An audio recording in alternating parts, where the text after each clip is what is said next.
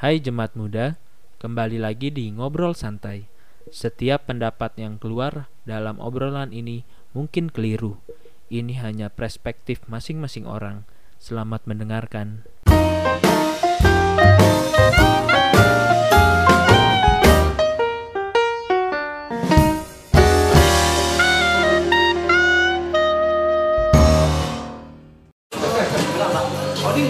Nah, masa kecil lo gimana sih, Nah? Hah? Masa kecil lo gimana sih? Di mana? Masa kecil lo? Di mana? Nggak, di, di ma- bagaimana? Iya normal sih tuh. normal normal aja sih tuh. Dia masa kecil gua ini. Eh, kenapa gua gua orang yang sulit sebenarnya masuk ke lingkungan yang baru. Ah. Nah itu kenapa? Nanti setelah gue pelajari itu karena masa kecil. Ah. Nah masa kecil kenapa gue sulit? Karena gue berpindah-pindah. Bukan lo orang Sumba asli. Enggak tapi pindah-pindah terus. Gak pernah gak pernah satu kota. Itu yang membuat gua selalu berupaya untuk eh, Berusaha adaptasi. Adaptasi, lagi. karena Dan selalu- malah lebih bagus ya? Ya lebih bagus tapi, tapi ternyata sulit kan untuk apa untuk kayak lu sulit untuk langsung lingkungan baru terus langsung apa eh, masuk Lingkungan baru ya? Nah, agak sulit gua ternyata itu karena gitu. Karena gue dari gue Kupang ke ujung Pandang terus ke Bogor Itu tempat Bogor. Bogor eh, pindah-pindah terus gue ininya Eh, Adik-adik lo nggak pindah-pindah? sama ikut juga sama ikut juga Bapak lo apa sih? karena kedua kedua kan kepala dinas kan jadi PNS ya? PNS jadi dipindahin terus sama apa, tergantung kebijakan Penempatannya. kebijakan pem- kementerian saat dipindah kita juga pindah deh Eh, eh, Berarti sekolah lo pindah-pindah? pindah pindah terakhir ya makanya terakhir gue di jadi gue kecil itu di Kupang Ah, SD di Sumba Barat ah. terus SMP di Bogor SMP di Bogor. SMP gue di Bogor di Sampai lu- lulus. Nah enggak, pas lu pas mau ujian kelas ujian akhir mau pindah ke Sumba Timur. Akhirnya sampai lulus Di di Wayangapu ya? Waingapu. Udah ke sini ininya. Waktu gue di Kupang itu gue juga pindah lagi satu tahun sebelum di Kupang di ujung Pandang di Sulawesi Selatan sana. Nah, nah, kan lu pindah nih dari Sumba, eh dulu di Sumba, Bogor, Bogor, terus balik Sumba, Balik terus Sumba. ujung Pandang, ah, habis itu Jakarta. Jakarta. Nah, kalau pas lu dari Sumba keluar kota ke Jawa, lo ngerasa bahwa eh, wah ini wah banget sih anjing. Iya emang. Oh apa? Eh paling dulu, dulu aja dari jangan kan itu ya. Ya lu tuh dari Sumba kan. Ah. Dari Sumba Barat ke Sumba Timur aja udah wah banget. Wah gila ya. Kalau Sumba kan gua Tapi kan beda-beda banget dulu. Iya memang, tapi emang transportasi Beda. Oh, oh. Karena Sumba Timur kan udah ada pesawat kan. ah, berarti Tambolaka baru. Baru, baru banget dulu busuk. Wah, Sumba Barat mah. Sumba Barat dulu tuh benar-benar transportasinya kuda sama kerbau, nggak ada mobil, motor. Sumba Barat. Tambolaka Wah, apa Sumba Tambolaka? itu tahun berapa baru Kayaknya tahun pokoknya set, pokoknya tahun 2000-an deh. Baru baru tuh. makanya sekarang ya masih bagus gitu beda dengan apa Sumba Timur ya udah Iya kayak emang iya udah lebih kota sih. Dulu mah waktu masuk Sumba Timur aja udah senangnya minta ampun gitu. Padahal kan saat ya elah cuma berapa jam Iya, kan? dulu beda banget. Ini wah dulu di Sumba Barat mah jarang dulu lihat juga apa dulu waktu dulu ya. Lihat juga orang pakai celana jeans, baju apa semuanya sarung. Sarung sama ya? iya ada kuda benar memang emang kayak gitu. Ini loh, lihat gua dulu tuh lihat bola apa bola Mikasa. Ah. Bola itu bangganya ampun. Itu kan keras banget iya anjir. Tapi itu walaupun keras kalau udah sentuh kaki aja udah gembiranya udah kayak minta ampun. Nah itu apalagi pindah ke Kupang. Wah udah Oh kalau kalau Kupang lebih maju ya. lagi ya. kota- Benar-benar shock itu ya di Bogor. Iya, tapi kan maksud gua lu pindah karena memang eh, Pekerjaan orang tua. Iya, pekerjaan orang tua. Tapi seandainya bapak lu tetap di Sumba, lu punya kemauan untuk pindah ke tempat Maksudnya di Kayaknya Jawa. enggak. Iya. Kayaknya enggak. Berarti lu beruntung dong ya. Beruntung beruntung, beruntung banget gue ini, beruntung banget. Jadi, beruntung banget sih, beruntung karena apa? eh, ya beruntung akhirnya dapat dapat peluang untuk tinggal di Bogor. di Bogor itu membuat gue apa Padahal ya kalau Jakarta sama Bogor nggak ada tai-tainya lah. Betul. Heeh, makanya itu. Yang dulu kan waktu di Bogor itu gue Lo Bogor mananya? Gue ini apa dermaganya IPB-nya. Oh. Jadi di belakang IPB itu ada ada SMP di situ. Jadi murni pada zaman itu gue masih ikut ya salah satu gue senang ya. Masih menikmati yang namanya tawuran tawuran pelajar. Iya benar tuh. Kampung-kampung itu masih masih teman. Ah gue belajar bahasa Sunda belajar Islam di situ. Nari jaipong Lah muatan lokalnya bahasa Sunda.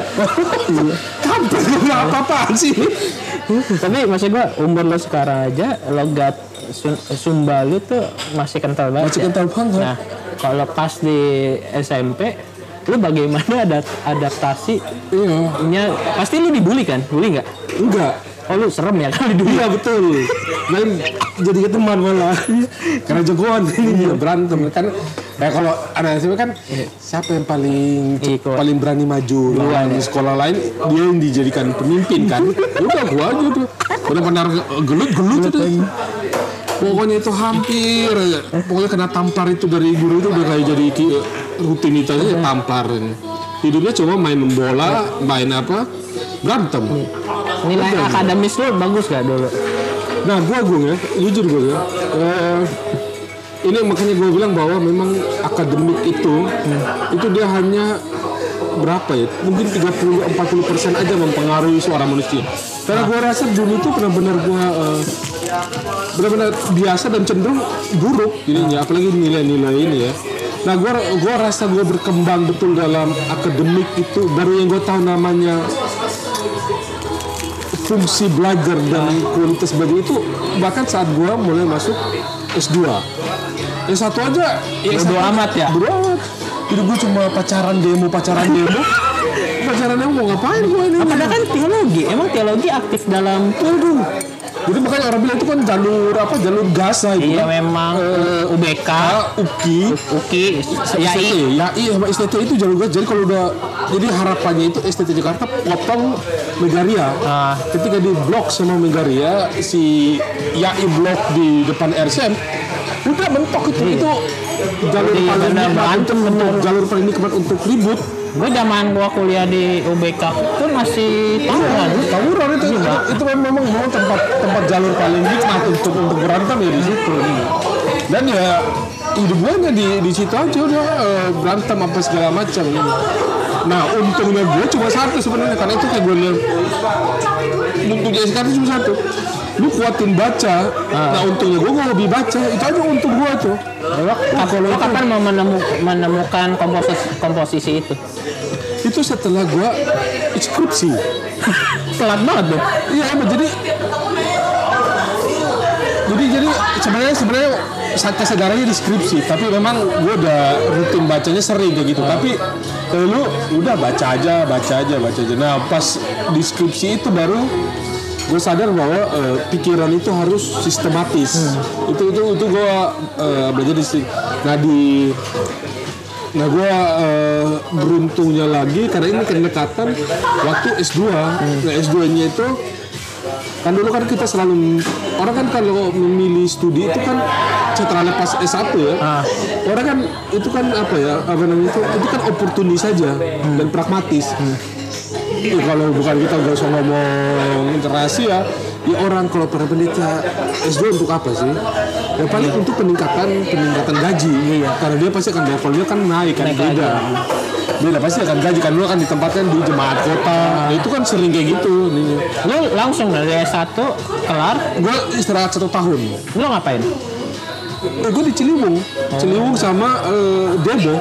Jadi hidup gue Demo? demo, Demo apaan anjir? Demo, demo ini.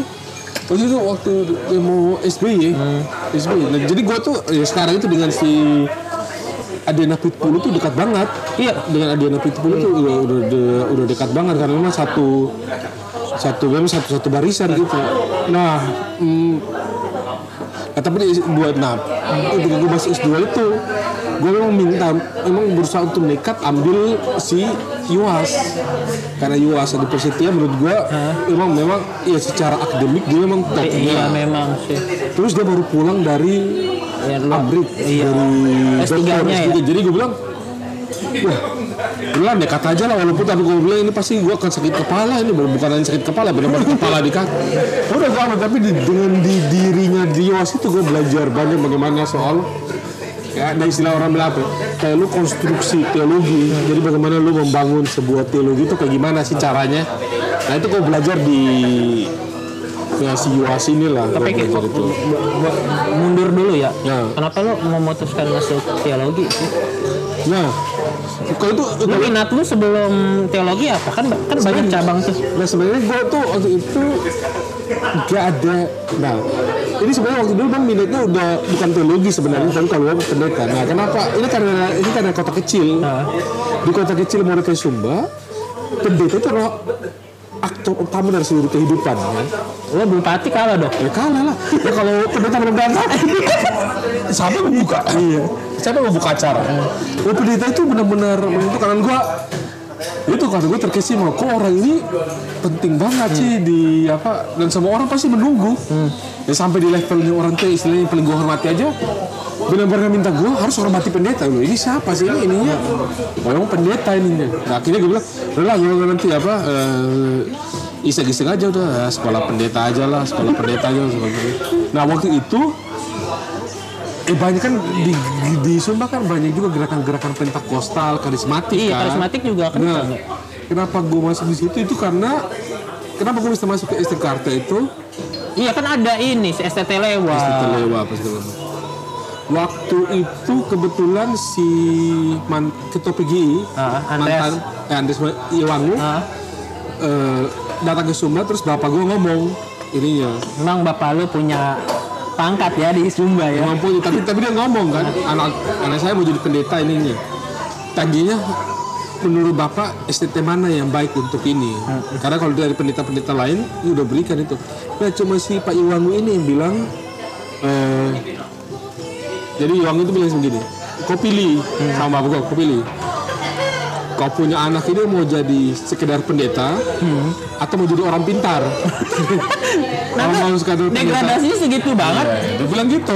Itu udah sekelas Iwangut kalau kamu mau jadi sekedar pendeta ambil aja yang mereka usul-usulin itu lah. Ada GBI ada ini ada bahkan UKDW ya paling banyak kan Dulu UKDW UKDW belum belum masuk hitungan ya dulu. belum belum. Belum. UKDW ini baru sekarang sekarang Baru naik-naiknya. Nah lalu kalau kamu masuk itu kau harus ambil STT Jakarta. Jakarta kau harus dan itu sulit dia bilang gitu sulit tapi kalau kamu mau maju kamu mau kamu mau kasih kamu mau lihat kau punya anak maju ya kau harus dorong dia ambil di SD Jakarta karena pasti berat ini. Lu momen momen momennya coba ceritain ke gua. Momen bagaimana lu ngomong ke bapak lu lu mau masuk eh lu mau jadi pendeta. Gak ada gua. Lah, Jadi gua ini gua. Hmm. Itu tempatnya kebetulan yang kebetulan yang baik dan benar. Hmm. Nah kebetulannya apa? Karena gue ini masuk dalam cerita anak Nazar.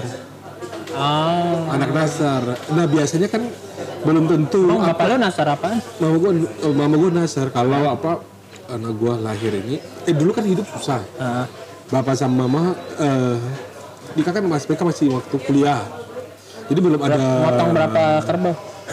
Jadi belum ada tuh kum nah, justru itu itulah kenapa alasan Nazar karena gue itu jadi si bokap gue ini intinya ini memang menata karirnya memang dari bawah. Jadi ya keluarga pun ya udah tahu keluarga ya. Keluarga itu kan sangat melihat kedudukan apa segala macam. Iya. Nah, waktu itu bapak gue itu belum ada apa pun. Apalagi mama belum ada apa pun. Terus waktu itu orang Sumba sama mama kan orang Sumba. Mama ini orang eh, Alor. Alor. Solo alor ya. Ah, itu lagi bentrok. Di NTT lagi nggak baik hubungannya. Jadi orang tua intinya dari dua ini menolak. Tidak setuju. Nenek lu masa nenek nenek. mah nenek. Uang kagak ada karena semuanya masih kuliah. Bener-bener masih kuliah ini tapi akhirnya bapak dan mama eh, nekat untuk eh, menikah di gereja kayak gitu kan. Menikah di gereja. Udah menikah di gereja tinggal ngekos.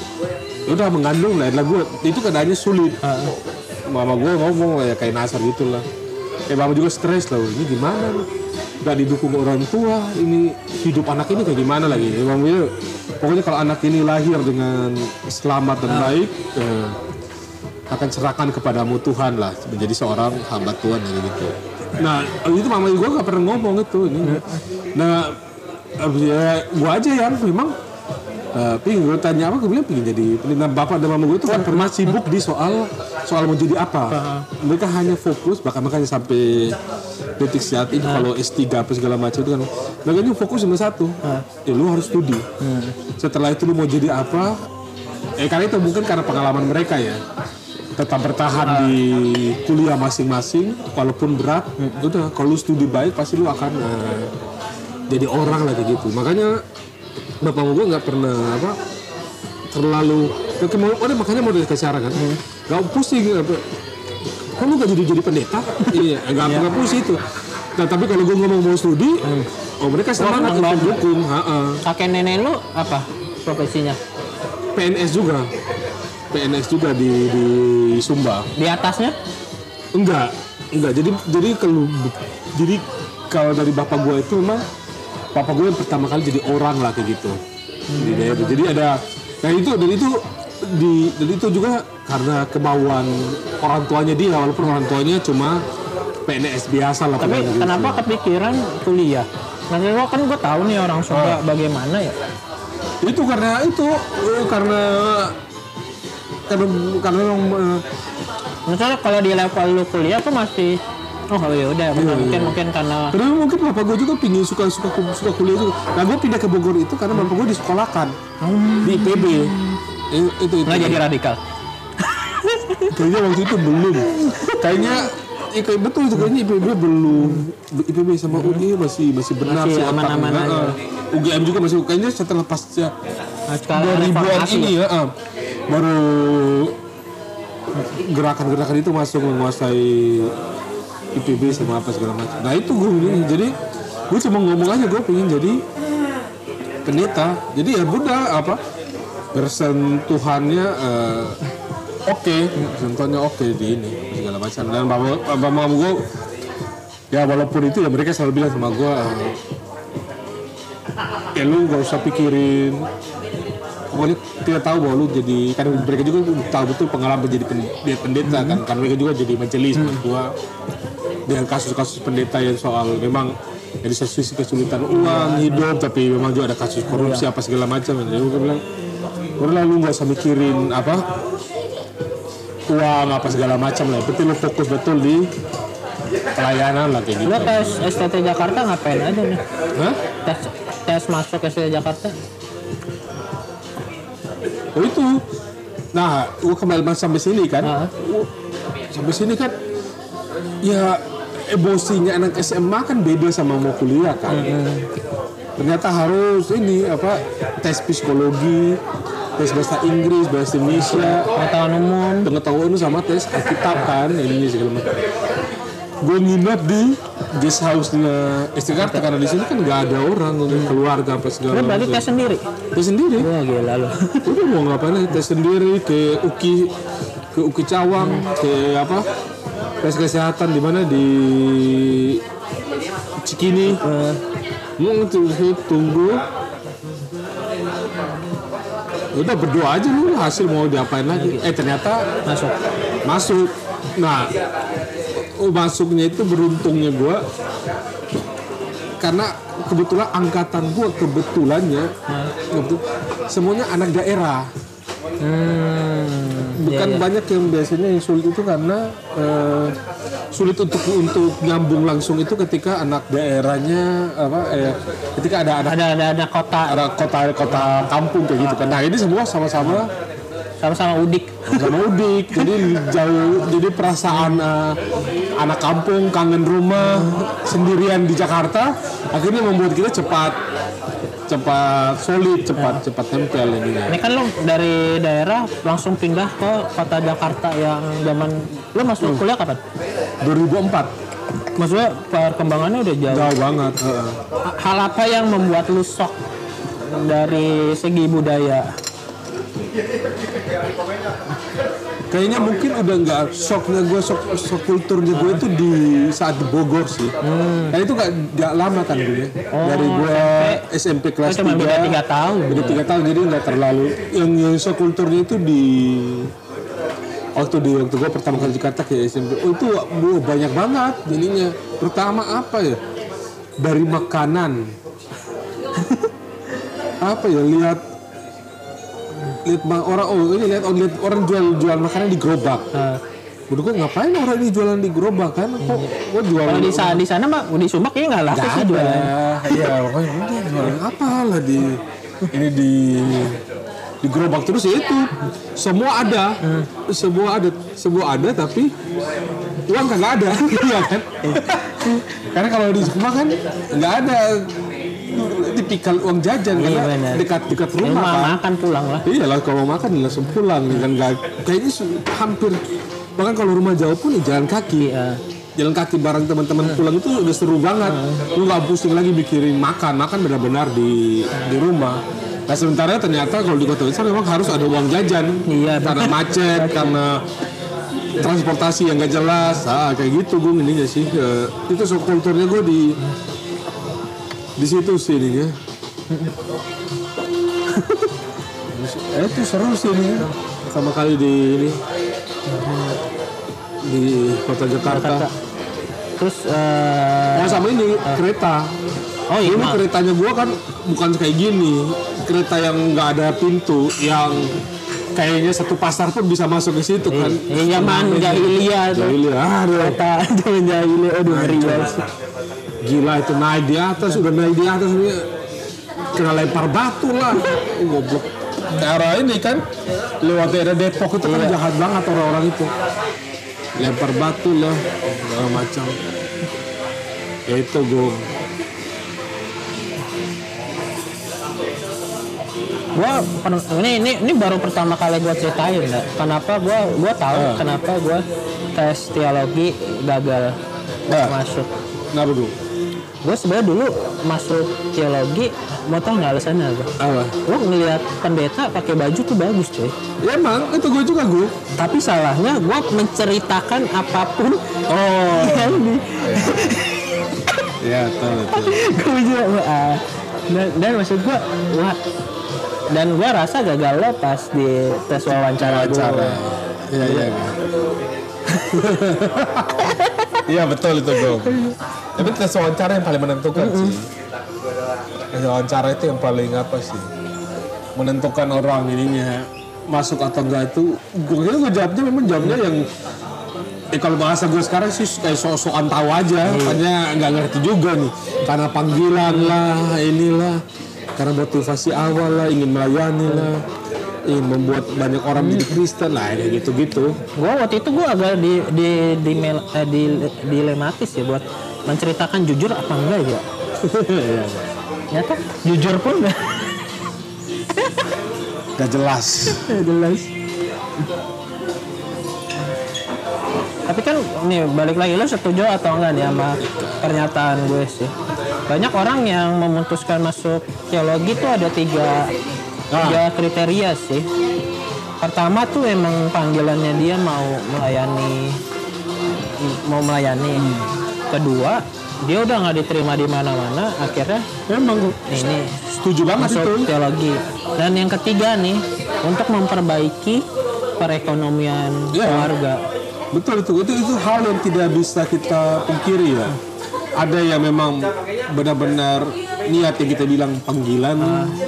Ada yang memang eh, pilihan terakhir setelah gagal di seluruh universitas terbaik Kata- katanya. kayaknya kayaknya jalan gue teologi deh. Teologi. Padahal cuma pembenaran.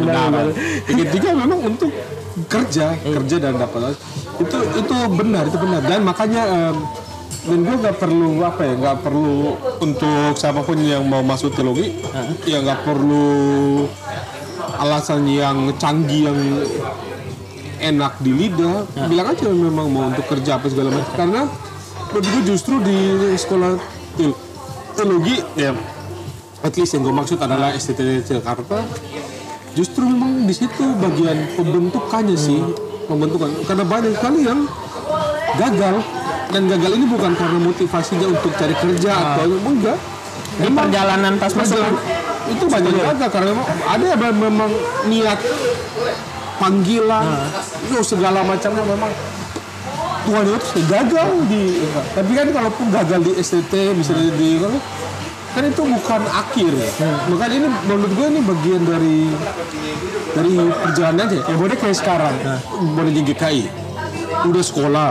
Katanya panggilan.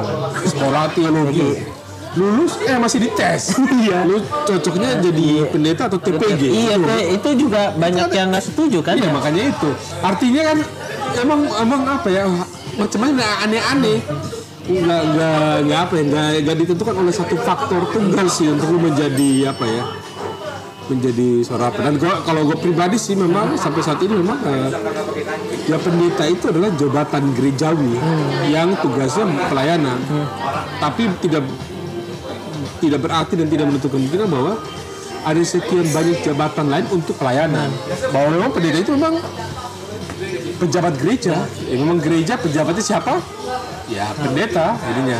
Ini gue nggak tahu lo relate atau enggak ya. Jadi si karena karena gue anak GKI dari dulu, pas mau masuk teologi gue harus tes sinode, Ah, ya kan. Nah tes sinode itu punya peraturan, gue nggak tahu nih tertulis atau atau Ya. enggak.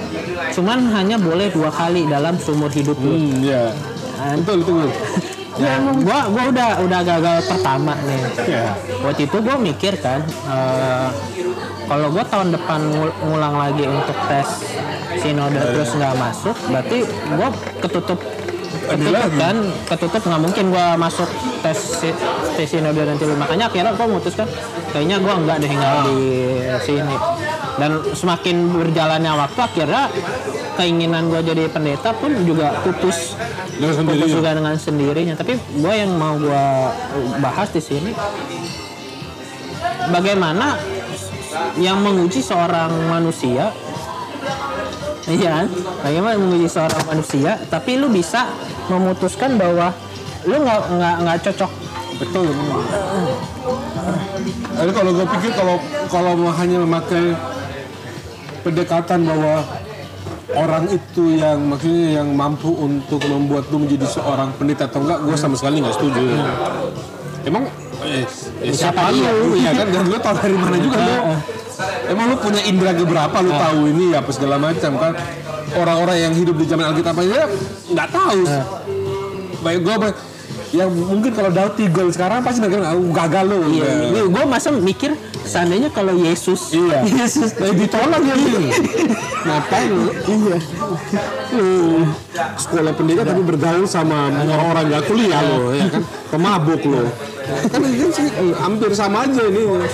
Jadi mem- memang itu rada, rada apa sih? Rada aneh sih. Nah, sehingga mungkin mungkin dalam dalam dalam dalam apa dalam dalam keprihatinan akan cara membuat orang jadi pendeta seperti itu akhirnya terbuka buat kelompok-kelompok Kristen lain yang membuka ruang untuk seseorang mesti pendeta nggak caranya seperti itu akhirnya terjadi kayak bahkan akhirnya ya ya negatifnya kayak gampangan Iya, siapa kalau aja. persis kalau pintar satu- ngomong udah jadi Nah, pendeta kalau kita apa kursus tiga bulan satu tahun jadi pendeta. Jadi ada yang terlalu kayaknya sulit banget ya. Ada yang terlalu mudah banget, mudah banget. Nah itu eh, apa sih? Itu ya itu hari ini kenyataannya kayak kenyataannya kayak gitu sih ya. Karena banyak sekarang ya kalau bergaul dengan teman-teman lintas iman ya. ya banyak orang-orang yang enggak bahkan bahkan orang yang tidak belajar teologi dalam pengertian teologi akademik lebih lebih mampu menjelaskan teologi daripada orang yang belajar teologi sendiri itu, itu itu terjadi sini ya karena lagi gue lihat bahwa emang belajar teologi itu emang kayak belajar filsafat sih. Emang lu harus terus kembangkan sih. Karena dia ilmu yang hidup sih bukan ilmu yang bukan secara teori harus aplikatif kan? Mm-mm, bukan umat ya makanya kayak makanya gue ambil hukum itu kayak gitu karena gak bisa lu hukum itu gak bisa berlaku sepanjang abad zaman dia benar-benar kontekstual tergantung. Ya sekarang kayak gimana? Apalagi ujung-ujungnya kan tergantung pertimbangan hakim Bos. iya iya benar kan? sih dan Mau- ha- hakim juga ini apa eh, pendapat masyarakat secara Iya, jadi sangat dipengaruhi oleh oleh oleh subjektif kita. iya. Nggak pernah ada yang objektif itu nggak pernah Ada. Ada sih. Pada akhirnya undang-undang itu ya, undang itu kan yang objektif. Ya tapi yang nanti yang memutuskan kan subjektif hakim. Makanya sulit ini emang.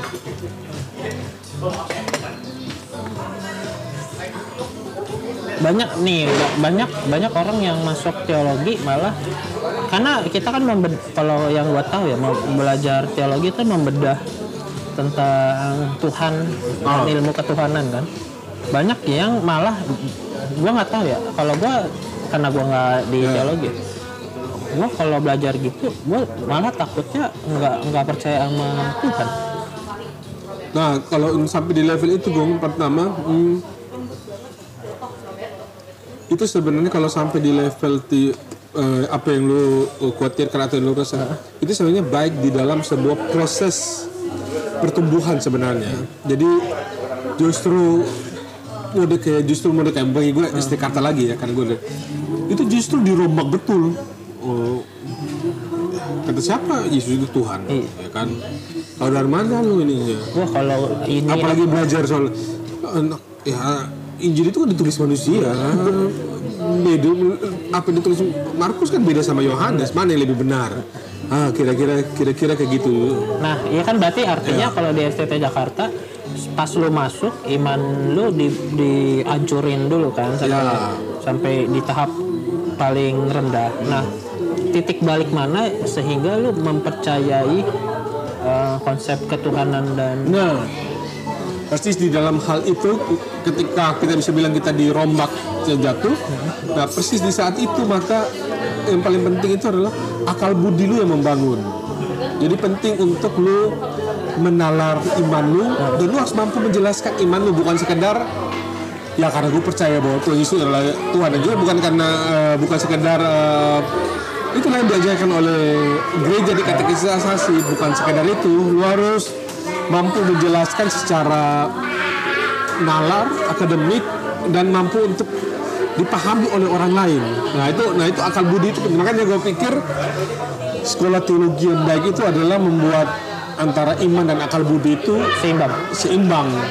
Karena ya kalau di Alkitab kan jelasin kita adalah Tuhan segenap hatimu dan juga dengan segenap akal budimu. Nah gue pada di titik itu. Nah di titik ini biasanya mungkin kali ini soal strategis sih karena biasanya orang kenapa saat dia dihancurkan betul terus akhirnya nggak percaya bakal ateis karena menurut gua orang yang terlalu apa ya terlalu terlalu serius dengan itu. Karena ini menurut gua ya maksudnya ya, lu slow aja jalaninya bro. Nggak usah apa nggak usah seolah-olah. Ya kalau Tuhan nggak ada emang lu mati. Ya, kalau Tuhan ada pun emang lu mati. Itu yang jadi kan ini sebagai pembelajaran nggak usah harus kaku. Nggak usah harus jadi makanya ketika itu terjadi jadi kayaknya sebagai proses alamiah untuk mengatakan bahwa oh ternyata karena yang paling utamanya itu tujuan dari pembelajaran itu sebenarnya simpel sih. Lu menemukan Tuhan lu yang otentik sih yang membuat apa oh Tuhan yang gue kenal itu seperti ini. Nah itu yang apa sih? Itu itu yang penting sehingga jangan sampai iman lu berdasarkan cerita pengalaman orang lain. Bahwa pengalaman orang lain itu eh, mempengaruhi tapi ya lu lu harus punya apa sendiri dong apa? Punya dasar sendiri. Nah, eh, punya dasar sendiri. Tapi Nah, kan kebanyakan orang kalau mau mau mau berusaha untuk menemukan dasarnya sendiri, dia harus butuh eh, apa ya pengalaman orang Ya, lain kan? betul. Nah pengalaman-pengalaman yang paling baik itu gue pikir makanya ya kita harus standing pointnya harus benar sih. Maksudnya beriman dan berteologi itu kuncinya kan cuma satu ya. Terus belajar gitu. Termasuk belajar di dalam soal kegagalan. Artinya dan belajar ini berarti lo harus membuka perspektif lu luas banget. Gak bisa hanya satu sisi. Gak bisa lu dan pokoknya intinya kalau belajar teologi itu nggak boleh langsung cepat mengatakan salah dan benar karena lagi-lagi ini persoalan iman sih Ya kan ya? bisa kalau belajar matematika pakemnya Iya, udah ada kan. udah ada, udah ada belajar yang rumusnya. lain ada rumus. Kalau belajar Nggak teologi ada. nggak Dan juga ilmu sosial kan sangat tergantung oleh sosionya sangat tergantung oleh apa apa yang terjadi dan apa yang terjadi itu tergantung pengalaman subjektif manusia kan dan ya makanya belajar teologi kalau beda dengan kalau kita eh, di gereja tok ya kalau gereja udah itu peraturannya itu kan. Tapi kalau orang belajar teologi Oh belum tentu. Lu apa eh, lu ngomong kayak gini belum tentu pahamnya pahamnya itu itu benar. Makanya yang gua sering kali sayangkan dengan orang-orang yang dan itu bagi gua orang-orang yang hanya melihat dari satu sisi simple sih jawabannya. Ya kurang belajar aja. Malas baca malas Kurang nonton, banyak bergaul. kurang banyak gaul aja. Karena dia langsung lihat ini satu sisi. Nah, karena ya gue punya temen. Ya dia terlalu gimana ya gue kalau menceritakan terlalu ketuhan-tuhanan sih. Maksudnya, Iya. maksudnya pernyataan gue benar atau enggak gue nggak tahu ya. Kalau gue salah. Tapi menurut gue ketika lu merasa kok apa-apa ketuhan kok kayak gini sih gitu? Iya, menurut gua saat lu belajar agama atau bahkan lu belajar soal Tuhan, lu seharusnya lebih mengerti menjadi manusia, bukan lu sosok menjadi Tuhan atau lu tahu Tuhan. Justru orang yang belajar agama atau belajar teologi yang benar itu adalah saat dia belajar tentang Tuhan, semakin dia sulit untuk memahami. Makanya dia mau terus belajar. Banyak menurut gua orang yang terjebak dalam kekeliruan itu saat dia tahu dan dia merasa bahwa dia sudah mampu menjelaskan Tuhan. Justru itu menurut gue itu kesalahan fatal sih saat orang sudah merasa diri bahwa oh gue tahu Tuhan. Ini, ini- karena itu yang sebenarnya kalau kita belajar Alkitab itu kan yang membuat ada dan hal jatuh ke dalam dosa Karena karena dia tahu ya? ingin jadi sama dengan Tuhan. Nah biasanya ya karena sok pingin sok tahu kan karena Tuhan memang sok tahu kan memang dia tahu gitu Iya, kan. benar. Memang dia tahu semua dan manusia pingin juga sok tahu kayak Tuhan makanya dia jatuh ke dalam jatuh ke dalam dosa jadi menurut gua ya lu kalau lu belajar baik-baik seharusnya lu mampu untuk merawat dari merawat di dunia sih relasi lu yang baik dengan Tuhan harusnya terpancar dalam relasi lu dengan manusia bukan bukan terus menganggap bahwa lu yang paling tahu apa segala macam sih. Itu yang itu yang apa ya? Menurut gue itu gue khawatir banget kalau ada teman-teman yang yang apa selalu selalu selalu apa e, membicarakan segala sesuatu langsung merujuk kepada Tuhan Tuhan Tuhan apa segala macam bukan salah tapi lebih tepatnya kayak gini sih. Seharusnya semua rujukan lu kepada Tuhan itu seharusnya e, terwujud dalam perilaku lu. Bukan di soal omongan lu. Ya. Bukan posan Instagram lo Iya, bukan bosan Instagram lu, bukan kekuatan lu di Monas, Iya. bukan kekuatan lu teriak-teriak di jalan. Ya kan iman kita kan bilang apa Alkitabnya jelas ininya apa. Kalau kamu ngomong berdoa sama Tuhan masuklah ke kamarmu.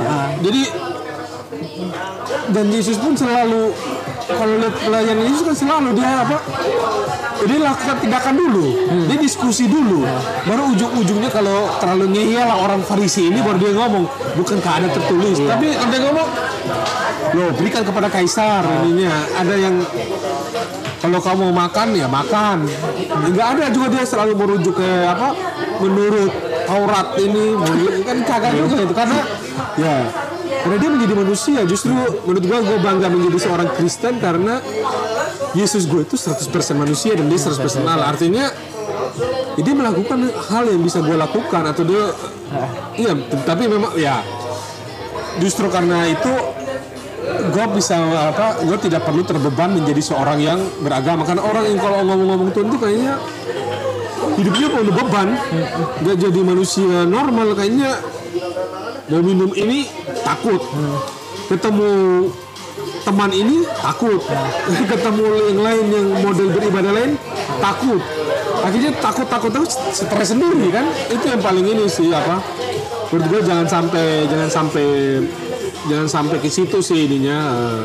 Nah itu kenapa ada kayak gitu? Karena memang ya bukan gue ngomong apa ya tapi memang ada teologi yang memang menguatkan ke arah situ. Memang yang selalu orientasinya adalah soal hal-hal yang eh, vertikal soal hal-hal yang memang bertaut dengan eh, Tuhan ketuhanan. Tuhan dan manusia, bukan manusia dan sesama Oh, oh, re- re- bukan. Jadi relasinya harus langsung selalu dengan dengan Tuhan. Padahalnya kan ya lu harus lihat terwujud relasi lu dengan Tuhan yang baik terwujud di eh, relasi lu dengan dengan manusia sih gue. Ini setuju nggak pernyataan gue bahwa sekolah tinggi teologi STT Jakarta mempunyai paham yang lebih ke liberal daripada ke konservatifnya. Nah, ini pertanyaan menarik Gung. Jadi gua akan jawabnya kayak gini. Eh, sebenarnya eh, liberal liberal konservatif itu cuma penamaan Nah. penamaan terhadap pemikiran dan ini tidak ada yang salah dari itu jadi di dari si Eskarta itu ada liberalnya ah, ada konservatif. ada konservatisme, ada fundamentalismenya, ada apa pun. Karena ini tergantung sangat tergantung dari pemikirannya yang pemikiran yang ada. Eh, liberal itu kan pemikiran yang bebas.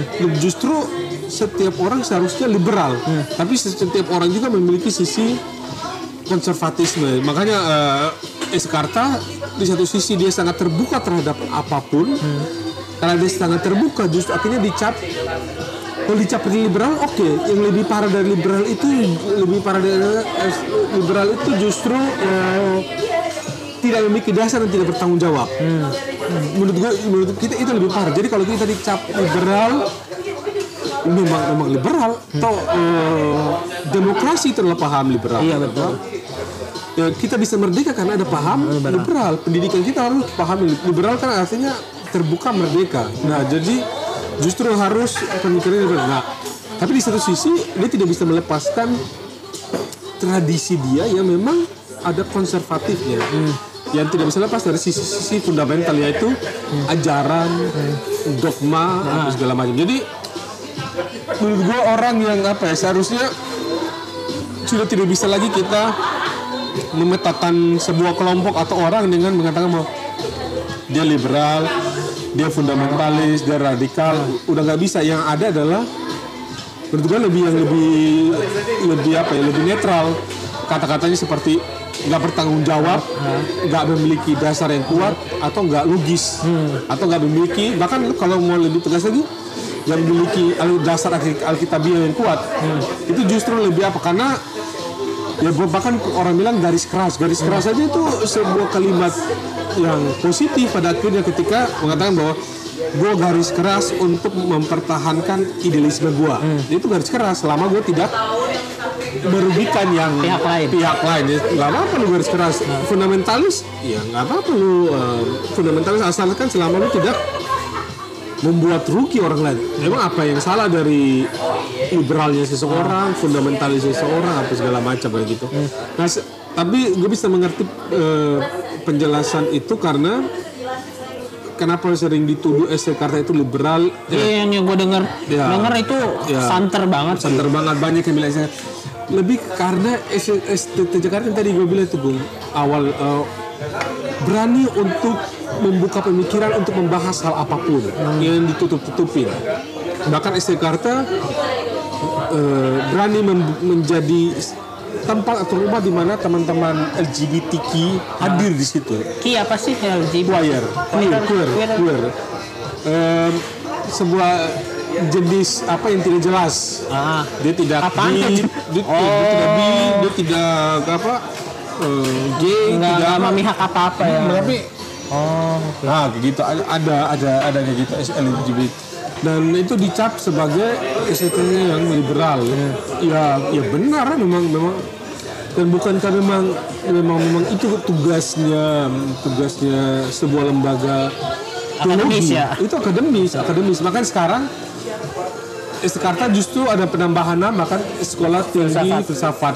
teologi Jakarta. Kenapa filsafat? Karena teologi dianggap oleh Kemendikbud ya ini tidak bisa ilmu itu kan salah satu syarat ilmu kan bisa diverifikasi Oh, nah kalau teologi nggak, iya siapa yang mau verifikasi? nah untuk untuk kita bisa strategi untuk bisa masuk ya dalam kementerian harus ada Dia masuknya kementerian apa sih? Kementerian Pendidikan. Bukannya agama? bukan makanya itu Bukannya dulu sempat persis itu karena sekarang udah harus semuanya di bawah Kemendikti maka harus mampu untuk diverifikasi misalnya kan ukurannya apa? Sebuah kebenaran. Maka ditambahkan sebuah apa itu? Filsafat. filsafat itu sehingga ada filsafat kan ilmu yang bisa diukur. Bahkan maksud gua ya filsafat sama teologi kan sama. ya itu. Itu apa sih itu keanehan di Kemendikbud. Tapi pilihan estetik Jakarta untuk itu ini sih. Dan ya memang estetik Jakarta cukup apa ya menjunjung tinggi kebebasan akademik sih. Benar-benar selama lu memiliki basis akademik dan bisa dipertanggungjawabkan segala sesuatu bisa diolah. Pemikirannya bebas dong berarti. pemikirannya bebas. Pemikirannya bebas. Justru itu yang membuat nanti tantangan buat eh, para calon-calon pendeta dari Isikarta untuk meng, menjembatani dengan eh, pemikiran jemaat. Kan pemikiran jemaat kan eh, nggak kayak gitu um, udah tertata udah rapi udah apa. Ya udah kayak ya kayak ibadah pemuda aja lah kan udah kayak gitu. Udah udah udah sulit ininya. Kalau kita bilang bahwa ya nggak perlu ibadah kayak gini kan uh, lu sesat lu. Ah.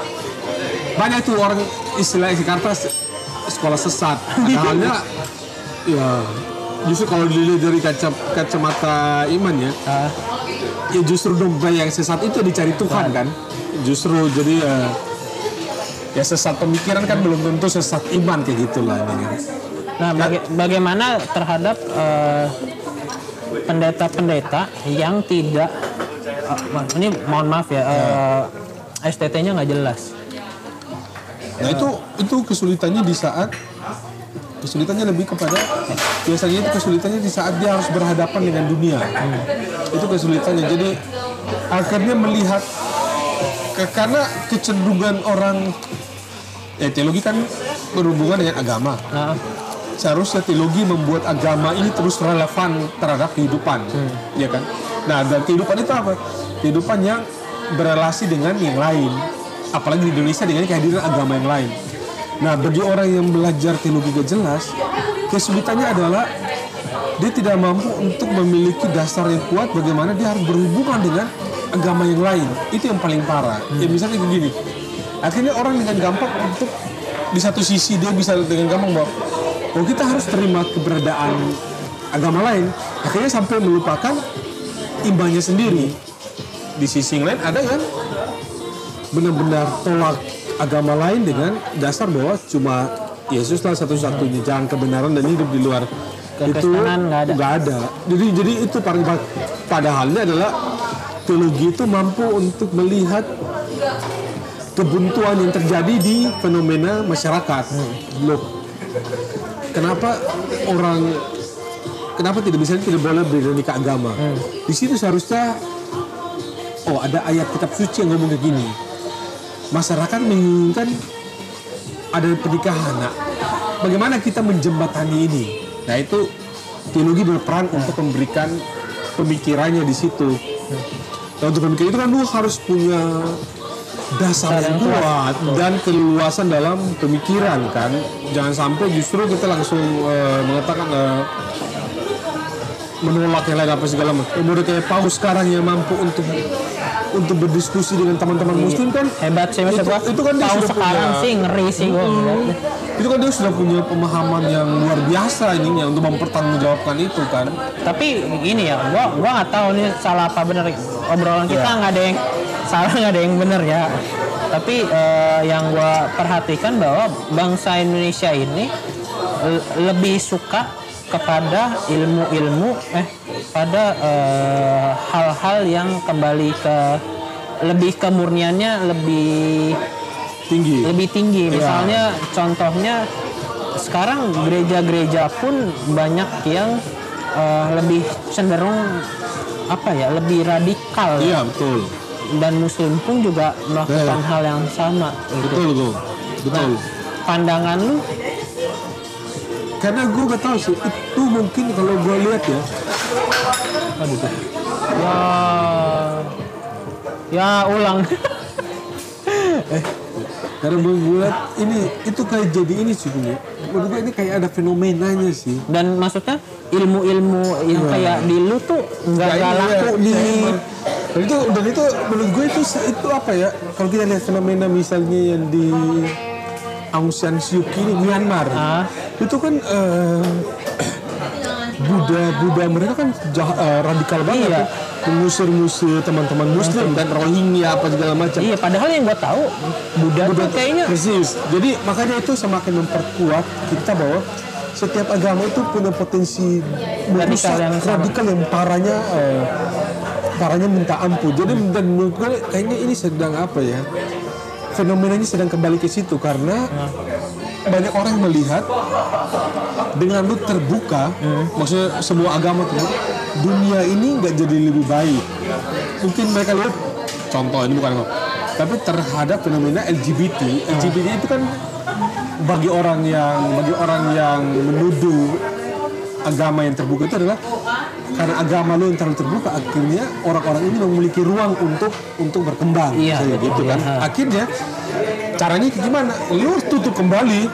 Tutupnya kembali apa? Ya yang ini yang konservatif garis keras ini yang apa? Pokoknya salah benar aja. Nggak boleh lagi apa? Nggak ada abu-abu ya? Nggak ada abu-abu apa eh, ya nggak boleh bercanda dengan agama yang boleh sekarang lagi I- ngehits iya Indonesia lebih kan nge- ngehits mau- boleh. agama apa pun Nggak, ah. waduh kalau nggak bercanda boleh candain pendetanya, nggak boleh candain tokoh agamanya, bahkan ada yang mengusulkan harus ada undang-undang perlindungan tokoh agama apa segala macam. Jadi ya itu fenomena ini kayak menurut gua ya orang bilang kan gini kan bilang, nggak ada yang baru di bawah kolong langit ya. betul ya. Kan dulu kan cuman mengulang aja ya Ya, dulu kan pernah kita mengalami di abad pertengahan eh, apa kekristenan paus, eh, apa kelurus-kelurus begitu tinggi kan. Terus ada reformasi, terus hidupnya apa mulai berupaya untuk gereja semakin terbuka. Ternyata setelah gereja terbuka ternyata ada eksesnya di mana yaitu seks bebas mungkin, LGBTQ mungkin.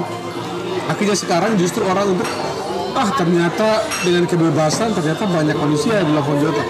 Udah kita kembali lagi. Kembali lagi dengan tutup lagi dengan dengan gaya gitu. Kalau kayaknya itu fenomenanya yang sekarang. Nah, ekses dari fenomena yang tertutup itu akhirnya muncul menurut gua terorisme.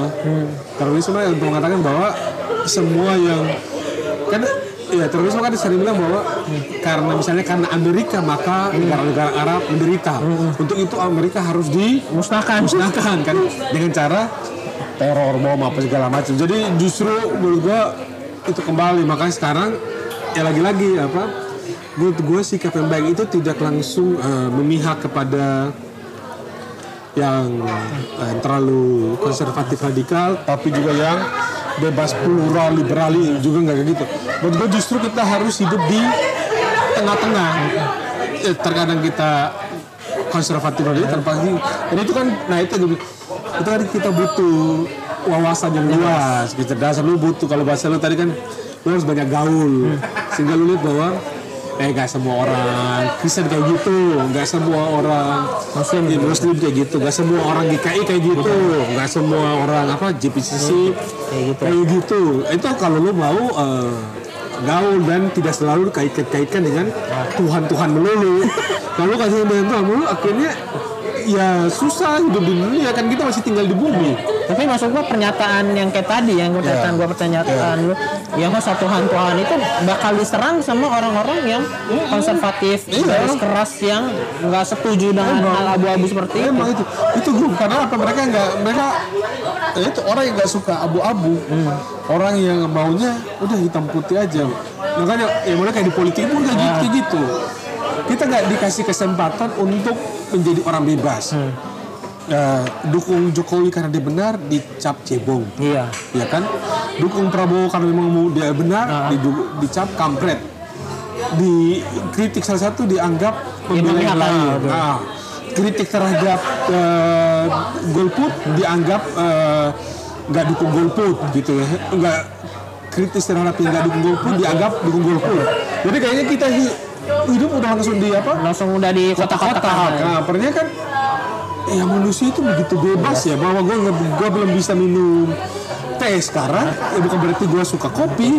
Ya memang mungkin sekarang aja gue pengen minum kopi kayak gitu kan. Jadi itu kan butuh apa ya? Tapi tipikal anak sekarang sih ngomongnya "Ya, lu harus banyak gaul sih. Lu harus apa ya?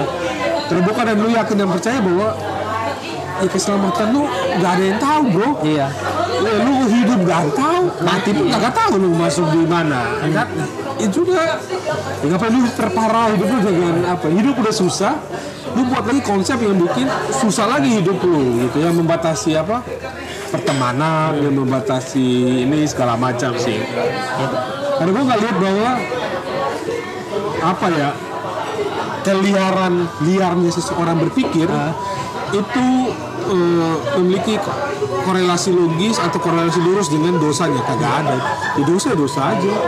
Liar berpikir ya liar aja. Udah kayak orang ngomongin bebas soal apa seks apa segala macam belum tentu dia seorang yang Iya, yang melakukan hal itu. Iya, belum tentu. Bahkan mungkin orang yang nggak pernah ngomong soal seks justru dia yang rajin ngapain itu. Yang rajin ngomongin yang nggak pernah ngomongin bokep apa segala justru dia yang apa eh, hobi nonton film bokep Eh, itu sih ininya bro Nah, mungkin nih udah mau se- Ya. sejam sih. Mungkin uh, penutup nih apa Aduh. yang lo mau sampaikan sih? kalau gua ini sih gue apa ya maksudnya hidup lu cuma sekali ya Nah, ya lu nikmatilah sebagai manusia. Karena pertama capek jadi Tuhan, capek juga jadi iblis. Ngapain juga lu jadi malaikat? lu jadi aja manusia biasa. Ada salah, ada benar, ada jatuh, bangkit lagi. Soalnya ya itu, lu jatuh terus, dunia terus berjalan. Lu hebat terus, dunia juga terus berjalan, ya kan? Lu, lu pasti akan di dilupakan. Pada suatu masa lu pasti akan dilupakan. Kalau lu gak punya karya besar kayak Soekarno kayak itu kalau lu gak punya karya besar iya benar sih. Pasti- Memang, lo bukan siapa-siapa di dunia ini. persis, itu ya, waduh, partikel kecil dari semesta, semesta ini gitu loh. Ya apa ya? Avengers aja selesai. Iya kan? Benar-benar endgame juga selesai. Segala sesuatu ada masa dan waktu. Jadi selama lu masih ada masa dan waktu ya lu nikmati aja lah bro. Ini segala macam apa pas ada uang ya nikmatilah uang itu. Kalau nggak punya uang ya pinjam lah. Tapi kembaliin masa nggak bikin gak usah bikin apa ya? Gak usah bikin susah sih maksudnya iya berarti cari teman daripada cari musuh sih dan apa ya apalagi kita ribut hanya karena apa? Perbedaan agama diributin perbedaan iman diributin perbedaan gereja diributin waduh ya ngapain ininya? Itu nggak nggak menambah isi dompet lu kan bro ininya. Itu sih gua kalau gua masa terakhir gua ya lu nikmati nikmati aja sih hidup ini. Gak usah dibikin ini gak usah bikin stres. Kalau gue sih mungkin pendapat gue ini ya. Ya. Reali, realistis lah terhadap apa pun. Betul. Terhadap agama sekalipun. Persis. Ya realistis gitu Nah, real itu kan ini kan yang nyata kan? Iya. ya udah jalanin apa? Ya jalanin yang nyata aja. Toh kalau lu mau kalau mau sayang banget banget agama tuh di gereja lu ya lu perbaiki aja dulu. Gereja sama agama lu. Sulit kan? Karena sulit. Yang gue usah apa lihat orang ataupun gak usah hakimi. Banyak orang banyak orang. Toh yang lu cintai saja masih ada yang salah gitu loh. Dan lu juga ternyata mengakui bahwa emang sulit diperbaiki. Sap- sebesar apa pun kuasa lu pasti akan akan sulit. Dan selalu berlaku ini sih Bung ya. Selalu berlaku. Aksi sama reaksi sih. Lu kalau ada aksi pasti ada reaksi. Reaksi itu karena ada aksi ada sebab pada akibat sih. Itu itu udah apa ya dulu. Mau besar kecil ukurannya udah pasti itu terjadi sih. Jadi ya sudah lu ya nikmati aja sih. Nikmati aja dulu pokoknya kalau gue ya gue inti kalau kalau gue prinsip gue cuma satu sih gue prinsip gue hidup minimal minimalnya gue ya. Pertama gue nggak susahin orang lain. Ya itu pertama. Yang kedua kalau gue buat dosa kalaupun gue buat dosa itu dosa untuk diri gue sendiri. Nggak meru- merugikan orang lain. itu sih gue biarlah kalaupun gue masuk neraka gue masuk neraka sendiri lah gak usah apa. Gak usah lah kalau gue masuk neraka gue juga sendiri aja sekarang sendiri saya kan terakhir sendiri sendiri kan. Sama-sama mah nggak ada sama-sama. Mau nonton konser aja beli tiket sendiri sendiri. Ya mungkin ini penutup benar-benar Ya. penutup. Ya, Go. Eh, apa ya? Gue bilangnya nggak usah ngurusin su- eh, surga orang lain. Dan nggak usah ngurusin sur- neraka orang lain sih. Urusin aja. Ya deh. Kalau lu pun masih percaya ada surga dan neraka kan? Kalau enggak ya lu urusin aja dunia lu sendiri. Oke, terima kasih. Sama-sama, sampai ketemu di bahasan berikutnya. thank you